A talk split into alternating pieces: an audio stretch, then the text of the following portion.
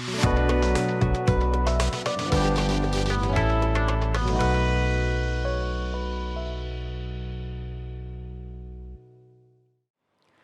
္ဂလာပါရှင်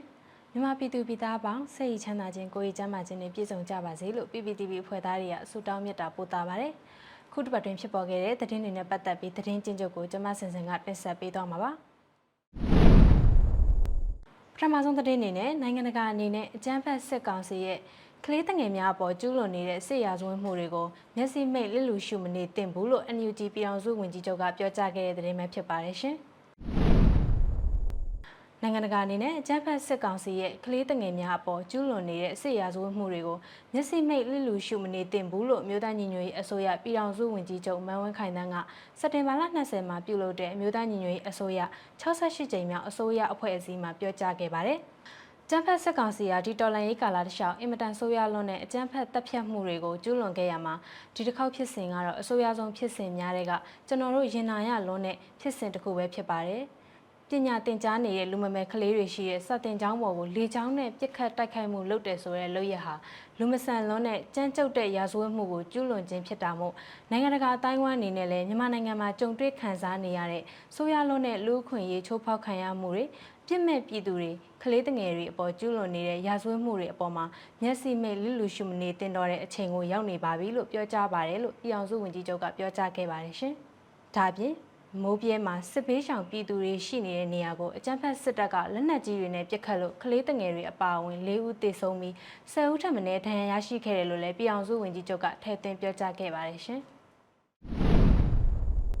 ဆက်လက်တင်ဆက်ပေးမယ့်သတင်းကတော့စစ်ရေးဆောင်ရွက်ရာမှာပြည်သူလူထုမထိခိုက်ရေးတတိထားဆောင်ရွက်ကြဖို့ PDF ရဲဘော်တွေကို NUG ပြည်အောင်စုဝန်ကြီးကတတိပေးတိုက်တွန်းခဲ့တဲ့သတင်းပဲဖြစ်ပါတယ်ရှင်။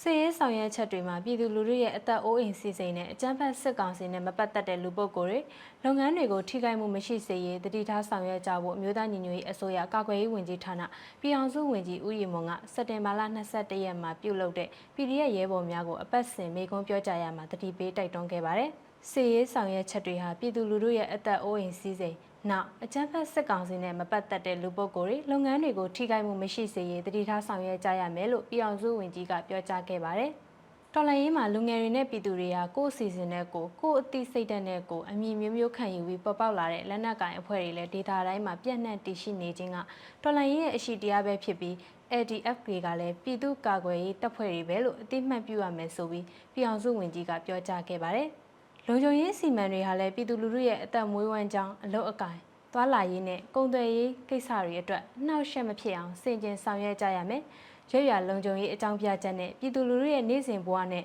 လုပ်ငန်းဆောင်တာတွေအနှောက်ယှက်ဖြစ်တဲ့အထိကားလန်ရေလန်းတွေတားဆီးစစ်ဆေးတာအခွန်ကောက်တာစီးပွားရေးလုပ်ငန်းတွေကိုအတင်းကျပ်စစ်ဆေးတာစက်ကြေးတောင်းတာဒါတွေကိုအထူးရှောင်ကျဉ်ရမှာဖြစ်တယ်လို့ပြည်အောင်စုဝန်ကြီးကပြောကြားခဲ့ပါတယ်ရှင်။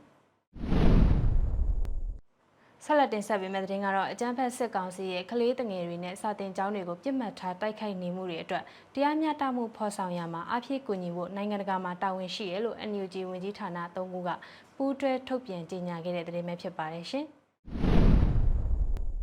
ကလေးတငယ်တွေရဲ့ပညာရေးအခွင့်အရေးကိုဆိုးရွားစွာချိုးဖောက်ခံရမှုနဲ့စာတင်ကျောင်းတွေကိုရက်ဆက်ကြမ်းကြုတ်စွာပြစ်မှတ်ထားတိုက်ခိုက်တဲ့ရာဇဝတ်မှုတွေအတွက်တရားမျှတမှုဖော်ဆောင်ရမှာအပြည့်ပံ့ပိုးဖို့ နိုင်ငံတကာမှာတာဝန်ရှိတယ်လို့အမျိုးသားညီညွတ်ရေးအစိုးရလူ့အခွင့်အရေးဆိုင်ရာဝန်ကြီးဌာနပညာရေးဝန်ကြီးဌာနနဲ့အမျိုးသမီးလူငယ်နဲ့ကလေးငယ်ဝန်ကြီးဌာနတို့ကစက်တင်ဘာ18ရက်မှာပူးတွဲထုတ်ပြန်ကြေညာခဲ့ပါတယ်။2022ခုနှစ်စက်တင်ဘာလ16ရက်မှာစကိုင်းတိုင်းဒီပဲရင်မြို့နယ်လက်ရက်ကုန်းကြီးရွာမှာကိုတူကိုထစာတင်ကျောင်းတစ်ကျောင်းကိုအကြမ်းဖက်စစ်အုပ်စုကလေကြောင်းကနေတိုက်ခိုက်ခဲ့ရာပညာသင်ကြားနေတဲ့ကလေးငယ်6ဦးသေဆုံးခဲ့ပြီးကလေးငယ်အများပြပြင်းထန်ထိခိုက်ဒဏ်ရာရခဲ့ပါတယ်။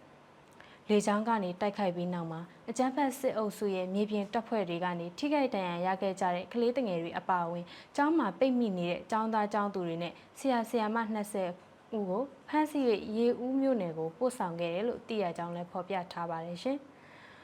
ဆိုရတဲ့လူအခွင့်အရေးချိုးဖောက်မှုတွေကိုအသေးစိတ်မှတ်တမ်းတင်ပြီးတရားမျှတမှုကိုဖော်ဆောင်နိုင်မှုဒီဇိုင်းမမတ်ကြိုးပမ်းဆောင်ရွက်လျက်ရှိပြီးနိုင်ငံကတိုင်းဝိုင်းအနေနဲ့လည်းကလေးငယ်တွေရဲ့ပညာရေးအခွင့်အရေးကိုဆိုးရွားစွာချိုးဖောက်ခံရမှုစာတင်ကျောင်းတွေကိုရက်ဆက်ကြမ်းကြုတ်စွာပြစ်မှတ်ထားတိုက်ခိုက်တဲ့ရာဇဝတ်မှုတွေအတွက်တရားမျှတမှုဖော်ဆောင်ရမှာအားဖြည့်ပံ့ပိုးဖို့တာဝန်ရှိရလို့ဆက်လက်ဖော်ပြထားပါတယ်ရှင်။ စာတင်ကျောင်းတွေကိုရက်ဆက်ကြမ်းကြုတ်စွာပြစ်မှတ်ထားတိုက်ခိုက်တဲ့ရာဇဝတ်စစ်ရာဇဝတ်မှုတွေအတွက်တရားမျှတမှုဖော်ဆောင်ရမှာအပြည့်ပံ့ပိုးဖို့တာဝန်ရှိတယ်လို့ဆက်လက်ဖော်ပြထားပါတယ်ရှင်။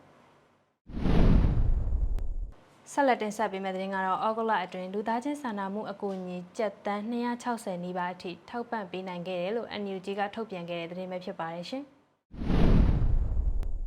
2022ခုနှစ်အောက်တိုဘာအတွင်းလူသားချင်းစာနာမှုအကူအညီကျပ်ငွေ259.40တန်းထိထောက်ပံ့ပေးနိုင်ခဲ့တယ်လို့အမျိုးသားညီညွတ်ရေးအစိုးရလူသားချင်းစာနာထောက်ထားရေးနဲ့ဘေးရန်ရဲ့ဆိုင်ရာစီမံခန့်ခွဲရေးဝန်ကြီးဌာနကစက်တင်ဘာ19ရက်မှာထုတ်ပြန်ခဲ့ပါတယ်။ကျန်းဖက်စစ်တပ်ရဲ့မိရှို့တန်ခံပြည်သူတွေ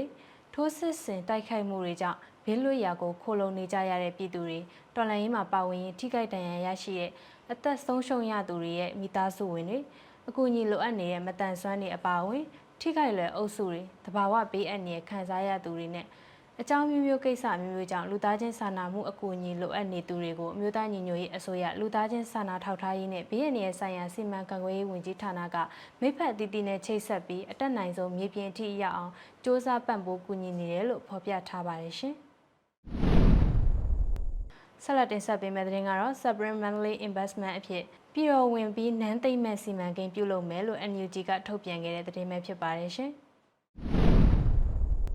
Supreme Monthly Investment အဖြစ်ပြည်တော်ဝင်ပြီးနန်းသိမ့်မဲ့စီမံကိန်းပြုလုပ်သွားမယ်လို့အမျိုးသားညီညွတ်ရေးအစိုးရစီမံကိန်းဗဏ္ဍာရေးနှင့်ယင်းနှိမ့်မြုပ်နှံမှုဝန်ကြီးဌာနကစက်တင်ဘာလ19ရက်မှာအတည်ပြုထုတ်ပြန်ခဲ့ပါတယ်။ အရှိန်ဟုန်ကောင်းကောင်းနဲ့မောင်းနှင်နေတဲ့ EOD စီမံကိန်းတွေတဲကနောက်တစ်ခုနဲ့မိတ်ဆက်ပေးခြင်းပါတယ်။အဲ့ဒါကတော့အလုံးအတူတကွပြည်တော်ဝင်ပြီးနန်းသိန်းအောင်ပွဲခံကြမဲ့စီမံကိန်းပါလို့ The Unot Dictatorship ကထုတ်ပြန်ခဲ့တာဖြစ်ပါတယ်။လက်ရှိအချိန်မှာ The Unot Dictatorship က Subbrain ရန်ကုန် Investment စီမံကိန်းကိုအကောင့်ထဲဖော်နေရဖြစ်ပြီးမြေကွက်ပေါင်း100ရောင်းချခဲ့ရမှာ12ကွက်သာကျန်ရှိပြီးစီမံကိန်းကနေ American Dollar 15တန်းကျော်ဖို့အထိရောင်းချထားပြီးဖြစ်တယ်လို့ EOD ကအသိပေးဖော်ပြထားပါတယ်။ ရရှိလာတဲ့မြေကွက်ရောင်းရငွေကိုဖက်စစ်ရှင်မဲ့စပရင်ရန်ကုန်ဆိုတဲ့ကြွေးကြော်တန်အတိုင်းအကြမ်းဖက်စစ်တပ်ကိုအမြင့်ဖြတ်ရှင်းရေးမှာအသုံးပြုနေပြီလို့ဆက်လက်ဖော်ပြထားပါတယ်ရှင်။ဆက်လက်တင်ဆက်ပေးမယ့်သတင်းကတော့ကုလသမဂ္ဂအနေနဲ့ NUG အစိုးရကိုတရားဝင်မှုပေးရေးအပြင်မြမအရေးဆောင်ရွက်ချက်တွေနဲ့ပတ်သက်ပြီးအာဆီယံမှာနိုင်ငံတွေထပ်မံဖြည့်ဆွက်ရေး APHR ကတောင်းဆိုခဲ့တဲ့သတင်းပဲဖြစ်ပါတယ်ရှင်။ ကုလသမဂ္ဂအနေနဲ့အမျိုးသားညီညွတ်ရေးအစိုးရကိုတရားဝင်မှုပေးရေးအပြင်မြမအရေးဆောင်ရွက်ချက်တွေနဲ့ပတ်သက်ပြီးအာဆီယံနဲ့မလုံလောက်တော့ပဲအာဆီယံပေါင်းအဖြစ်နိုင်ငံများထပ်မံဖြည့်ဆွက်ရေးလူ့ခွင့်ရေးဆိုင်ရာအာဆီယံလွှတ်တော်အမတ်များအဖွဲ့ APHR ကစက်တင်ဘာ19ရက်မှာတောင်းဆိုခဲ့ပါတယ်။ APHR အနေနဲ့နေဆက်တွေအထိမြမအရေးလှုပ်ရှားသူတွေ NGO အဖွဲ့တွေနဲ့တွေ့ဆုံပြီးမြမအရေးနဲ့ပတ်သက်ပြီးစုံစမ်းမှုတွေပြုလုပ်ကအစီရင်ခံစာကိုရေးသားခဲ့တာဖြစ်ပြီးတော့ ကုလသမဂ္ဂကအမျိုးသားညီညွတ်ရေးအစိုးရကိုတရားဝင်မှုပေးရေးနဲ့အမျိုးသားညီညွတ်ရေးအစိုးရနဲ့ကိုက်ညီမဲ့ပုံစံအသစ်တစ်ခုကိုဖော်ဆောင်ရမယ်လို့အစီရင်ခံစာမှာဖော်ပြထားပါတယ်။ အဲ့ဒီအစီရင်ခံစာထဲမှာအာဆီယံကဖော်ဆောင်နေတဲ့မြမအရေးသဘောတူညီချက်၅ခုဟာအလုံးမဖြစ်ကြောင်းမြမအရေးအတွက်အာဆီယံနဲ့တာမလုံလောက်တော့ပဲအာဆီယံအပေါင်းဖြစ်နိုင်ငံတွေထပ်မံဖြည့်ဆွက်ရေးအပြင်အကြမ်းဖက်စစ်ကောင်စီကဖော်ဆောင်မဲ့2023ခုနှစ်ရွေးကောက်ပွဲမှာတရားဝင်တဲ့အချက်တွေကိုဖော်ပြထားတယ်လို့ဆက်သွယ်ရေးသတင်းချက်လက်နဲ့နည်းပညာဝန်ကြီးဌာနပြည်အောင်စုဝန်ကြီးဦးထင်လင်းအောင်ကပြောကြားခဲ့ပါတယ်။ APHR အနေနဲ့အကြမ်းဖက်စစ်ကောင်စီရဲ့လူ့အခွင့်အရေးချိုးဖောက်မှုတွေနဲ့အမျိုးသားညီညွတ်ရေးအစိုးရရဲ့လှုပ်ဆောင်ချက်တွေအလုံးကို report လုပ်ပြီး American အစိုးရအပါအဝင်နိုင်ငံတကာအစိုးရတွေဥရောပပါလီမန်အပါအဝင်နိုင်ငံတကာအစိုးရမဟုတ်တဲ့အဖွဲ့အစည်းတွေအလုံးစီကိုပေးပို့သွားမှာဖြစ်တယ်လို့ဖော်ပြထားပါတယ်။ဆက်လက်တင်ဆက်ပေးမယ့်သတင်းကတော့အမျိုးသားညီညွတ်ရေးအစိုးရကຫນွေဦးတော်လန်ရေးဂျာကာလာအခမဲ့အွန်လိုင်းစာသင်ကျောင်းဖွင့်လှစ်မယ်လို့ထုတ်ပြန်ကြေညာခဲ့တဲ့သတင်းပဲဖြစ်ပါတယ်ရှင်။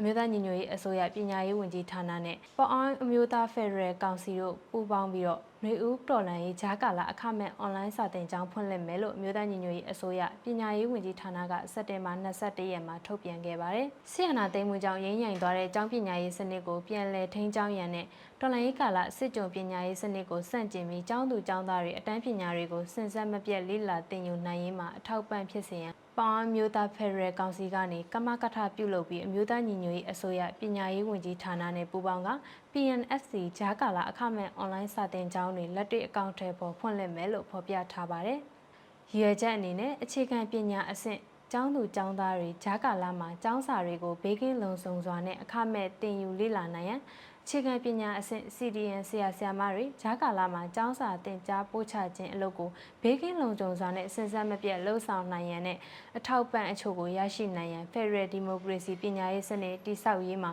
ရည်ရွယ်ချက်တူတိုင်းရင်းသားလူမျိုးပေါင်းစုံပြည်သူတွေနဲ့ပူးပေါင်းဆောင်ရွက်ရန်အပြင်ဆရာဆရာမတွေနဲ့ကျောင်းသူကျောင်းသားတွေရဲ့ဘာသာရေးလူမျိုးရေးပေါ်အခြေခံကလွတ်လပ်စွာတွေးခေါ်ပိုင်ခွင့်နဲ့ ကိုယ်ပိုင်ပြဋ္ဌာန်းခွင့်ရှိတဲ့ Federal Democracy ပညာရေးစနစ်ပေါ်ထွန်းလာရန်တို့ဖြစ်တယ်လို့ဆက်လက်ဖော်ပြထားပါတယ်ရှင်။ဆက်လက်တင်ဆက်ပေးမယ့်သတင်းကတော့အကြမ်းဖက်စစ်တပ်နဲ့စစ်ဘက်ဆိုင်ရာပူးပေါင်းလှုပ်ဆောင်မှုတွေမလုပ်တော့ဘူးလို့ဂျပန်နိုင်ငံကကြေညာခဲ့တဲ့သတင်းပဲဖြစ်ပါတယ်ရှင်။အကြမ်းဖက်စစ်တပ်နဲ့စစ်ဘက်ဆိုင်ရာပူးပေါင်းလှုပ်ဆောင်မှုတွေကိုမလှုပ်ဆောင်တော့ဘဲရပ်ဆိုင်းထားတော့မယ်လို့ဂျပန်နိုင်ငံကာကွယ်ရေးဝန်ကြီးဌာနကစက်တင်ဘာ20ရက်မှာထုတ်ပြန်ကြေညာလိုက်ပါတယ်။ ဒါပေမဲ့လည်းလက်တလောဂျပန်အမျိုးသားကာကွယ်ရေးအကယ်ဒမီနဲ့ဂျပန်ကာကွယ်ရေးငါးနာတွေမှာလေ့ကျင့်သင်ကြားခွင့်ရရှိနေတဲ့ဗိုလ်လောင်း9ဦးနဲ့အရာရှိ2ဦးကိုအစီအစဉ်တွေပြီးဆုံးတဲ့အထိလက်ခံထားရှိသွားမှာဖြစ်တယ်လို့ဆိုပါတယ်။ကာကွယ်ရေးဝန်ကြီးဌာနကပြောခွင့်ဆိုခွင့်ရှိသူ တကာရှိအေကိုကီကအကြံဖက်စစ်တပ်ရဲ့လက်ရှိပုံစံကစစ်ဘက်ဆိုင်ရာပူးပေါင်းဆောင်ရွက်မှုနဲ့ဖလှယ်မှုတွေကိုဆက်လုပ်ဖို့မသင့်တော်ဘူးလို့ဆုံးဖြတ်ထားတဲ့အကြောင်းပြောကြားထားပါတယ်။ဂျပန်အစိုးရကကာကွယ်ရေးတပ်ဖွဲ့ဥပဒေတွေအရလေ့ကျင့်သင်ကြားတာနဲ့ပညာပေးတာတွေကိုပြုလုပ်နေတာဖြစ်ပြီးတော့အကြမ်းဖက်စစ်တပ်ကအာဏာသိမ်းပြီးချိန်2021ခုနှစ်မှာကိုအကြမ်းဖက်စစ်တပ်ရဲ့ဗိုလ်လောင်း2ဦးနဲ့အရာရှိ2ဦးကိုလက်ခံခဲ့တယ်လို့2022မှာလည်းအလားတူပုံစံအတိုင်းလက်ခံခဲ့တာပါ လူ့အခွင့်အရေးစောင့်ကြည့်ရေးအဖွဲ့ကတော့အခုလိုပြုလုပ်တာကိုကြိုဆိုခဲ့ပြီးဂျပန်နိုင်ငံအနေနဲ့နိုင်ငံတကာအတိုင်းအဝိုင်းနဲ့ပူးပေါင်းပြီးအကြမ်းဖက်စစ်ကောင်ဆောင်တွေနဲ့စစ်တပ်ပိုင်းကုမ္ပဏီတွေကိုအရေးယူပိတ်ဆို့မှုတွေပြုလုပ်ဖို့အတွက်ပါအကြံပေးထားတာပါ။ဆက်လက်တင်ဆက်ပေးမယ့်သတင်းကတော့လက်ရက်ကုန်းကြေးရွာရဲ့စာတင်ကျောင်းကိုအကြမ်းဖက်စစ်အုပ်စုကလင်းမဆန်စွာတိုက်ခိုက်တပ်ဖြတ်ခဲ့မှုအပေါ်အမျိုးသားညီညွတ်ရေးအစိုးရအတိုင်ပင်ခံကောင်စီကကြေညာချက်ထုတ်ပြန်လိုက်တဲ့သတင်းပဲဖြစ်ပါတယ်ရှင်။ စကိုင်းတိုင်းဒီပဲရင်မြို့နယ်လက်ရက်ကုန်းကြေးရွာရဲ့စာတင်ကျောင်းကိုအကြမ်းဖက်စစ်အုပ်စုကလူမဆန်စွာတိုက်ခိုက်တပ်ဖြတ်ခဲ့မှုအပေါ်အမျိုးသားညီညွတ်ရေးအစိုးရအတိုင်ပင်ခံကောင်စီကစက်တင်ဘာ23ရက်စွဲနဲ့ကြေညာချက်ထုတ်ပြန်လိုက်ပါတယ်။အခုလိုလက်ရဲဆက်ရဲတက်ရဲဖြက်ရဲတာကလည်း၎င်းတို့ကျူးလွန်ခဲ့တဲ့မတရားမှုအဝဝအပေါ်တရားဥပဒေကပြစ်ဒဏ်မှကင်းလွန်ခွင့်ရှိနေတာကြောင့်လို့ဖော်ပြထားပါတယ်။အ ခုလိုမျိုးဖြစ်ရတွေရက်တက်မှုအတွက်ပြည်သူလူထုတရက်လုံးအနေနဲ့မတရားမှုတွေဆက်လက်မဖြစ်ပေါ်စေရေးအတွက်တခဲနဲ့အုံကြွပြီးရရနီလန်းနဲ့ဆက်လက်ဆန့်ကျင်တော်လှန်ကြပါရန်မတရားဆက်အာဏာသိမ်းမှုကိုဆန့်ကျင်တဲ့တော်လှန်ရေးအင်အားစုအသီးသီးအနေနဲ့လည်းဆက်အာဏာရှင်စနစ်ကင်းရှင်းတဲ့တိုင်းပြည်အနာဂတ်ကိုရှေ့ရှုပြီးစူးစီးညီညွတ်စွာနဲ့ တစိမ့်တဲတဝန်နဲ့အတူတကွပါဝင်ဆန့်ကျင်သွားရန်နိုင်ငံတကာအနေနဲ့လည်းနိုင်ငံတကာလူသားချင်းစာနာထောက်ထားမှုဆိုင်ရာဥပဒေကိုပြောင်ပြောင်တင်းတင်းဆန့်ကျင်ချိုးဖောက်နေတဲ့အကြမ်းဖက်စစ်အုပ်စုကိုနိုင်ငံတကာတရားရေးဆိုင်ရာရန်တရားတွေနဲ့နစ်နာဆုံးရှုံးသူတွေအတွက်တရားမျှတမှုရရှိစေရန်နဲ့တာဝန်ခံနိုင်ရေးအပါအဝင်ဥပဒေမှာပြစ်ဒဏ်ကင်းလွတ်ခွင့်အဆုံးသတ်ရန်အတွက်ဝိုင်းဝန်းဆောင်ရွက်ကြရန်လို့ဖော်ပြထားပါတယ်ရှင်။ ဒါပြင်လေရင်စီအပါအဝင်လက်နက်ရောင်းဝယ်ရေးများကိုကြကြပြည့်ပြည့်ပိတ်ဆို့မှုများဆောင်ရွက်ရန်နိုင်ငံတကာအတိုင်းအဝိုင်းမှာလူသားချင်းစာနာထောက်ထားမှုအကူအညီများကိုပံ့ပိုးကူညီဆောင်ရွက်ရန်အစရှိတဲ့အချက်၅ချက်ကိုအမျိုးသားညီညွတ်ရေးအတိုင်ပင်ခံကောင်စီ NUCC ကပြည်သူတရက်လုံးနဲ့တော်လှန်ရေးအင်အားစုအသီးသီးကိုတောင်းဆိုထားပါတယ်ရှင်။မြေသားညီညွတ်ရေးအတိုင်ပင်ခံကောင်စီ NUCC အနေနဲ့ယခုကဲ့သို့လူမဆန်သောတိုက်ခိုက်တပ်ဖြတ်ခဲ့မှုအနေပတ်သက်ပြီးအပြင်းထန်ရှုံချပြီးယခုကြီးညာချက်ပါကိစ္စရပ်တွေအကောင့်ထဲပေါ်နိုင်တဲ့အထိ ကိုစန်းညံဆန်းရှိသမျှမရမနာအစွမ်းကုန်အားထုတ်ပြီးကြိုးပမ်းဆောင်ရွက်သွားမှာဖြစ်တယ်လို့လည်းဖော်ပြထားတာတွေ့ရပါတယ်။ခုနောက်ဆုံးတင်ဆက်ပေးမှာကတော့ပလောမြို့နယ်မူရစ်စင်းနဲ့စစ်တပ်ထုတ်ကုန်တွေမဝင်ရောက်စေရေးအတွက် KPDF ကစီကန်းချက်ထုတ်ပြန်လိုက်တဲ့တဲ့မှာတနင်္လာရီတိုင်းမိတ်ခရိုင် ပလောမြို့နယ်အတွင်းကိုမူရစ်စေးနဲ့စစ်တပ်ထုတ်ကုန်တွေမဝင်ရောက်စေရေးအတွက်ကရင်ပြည်သူ့ကာကွယ်ရေးတပ်ဖွဲ့ KPDF ကပြည်သူတွေလိုက်နာရမယ့်စည်းကမ်းတွေကိုထုတ်ပြန်လိုက်ပါတယ်။ကရင်မျိုးသားအစည်းအရုံးရဲ့ထိန်းချုပ်နယ်မြေဖြစ်တဲ့ပလောမြို့နယ်အတွင်းက KPDF ထိန်းချုပ်နယ်မြေအတွင်းဖြတ်တန်းသွားလာမဲ့ပြည်သူတွေအနေနဲ့လိုက်နာရမှာဖြစ်တယ်လို့လည်းထုတ်ပြန်ချက်မှာဖော်ပြထားပါတယ်။ KPDF အဖွဲ့တွေရဲ့ကြက်မှတ်စစ်ဆေးမှုကိုဘယ်အဖွဲ့အစည်းကမဆိုပူးပေါင်းပါဝင်ရမယ်။ရင်ကိုတက်နိုင်ဆုံးအရှိန်လျှော့မောင်းရမယ်။ကားတကားပေါက်တွေကို မှန်ချထားဖို့နဲ့တင်ဆောင်လာတဲ့ကုန်ပစ္စည်းနဲ့ခီးတယ်တွေကိုအဝေးမှမြင်သာစေရန်စီမံထားဖို့လိုတယ်ဆိုပြီးဖော်ပြထားပါတယ်။အခုထုတ်ပြန်လိုက်တဲ့စီကံသတ်မှတ်ချက်တွေကအကြံဖတ်စစ်ကောင်စီကိုအမြင့်ပြတ်ချေမှုန်းရင်းနဲ့ကရင်ပြည်သူ့ကာကွယ်ရေးတပ်ဖွဲ့ပလောလုပ်ငန်းစဉ်တွေအတွက်အလွန်အရေးပါတယ်လို့ဖော်ပြထားပါတယ်။ပြည်သူတွေအနေနဲ့ထုတ်ပြန်ထားတဲ့စီကံတွေကိုလိုက်နာဖို့လိုအပ်ပြီးလိုက်နာပဲပြက်ကွက်ခဲ့မယ်ဆိုရင်ပြက်ကွက်သူရဲ့တာဝန်သာဖြစ်တယ်ဆိုပြီးတော့လည်းကရင်ပြည်သူ့ကာကွယ်ရေးတပ်ဖွဲ့ KPDF ရဲ့ထုတ်ပြန်ချက်မှာဖော်ပြထားတာတွေ့ရပါတယ်။ ဒါကတော့တပတ်တွင်းဖြစ်ပေါ်ခဲ့တဲ့သတင်းချင်းချုပ်ကိုတင်ဆက်ပေးခဲ့တာပဲဖြစ်ပါတယ်ကျေးဇူးတင်ပါတယ်ရှင်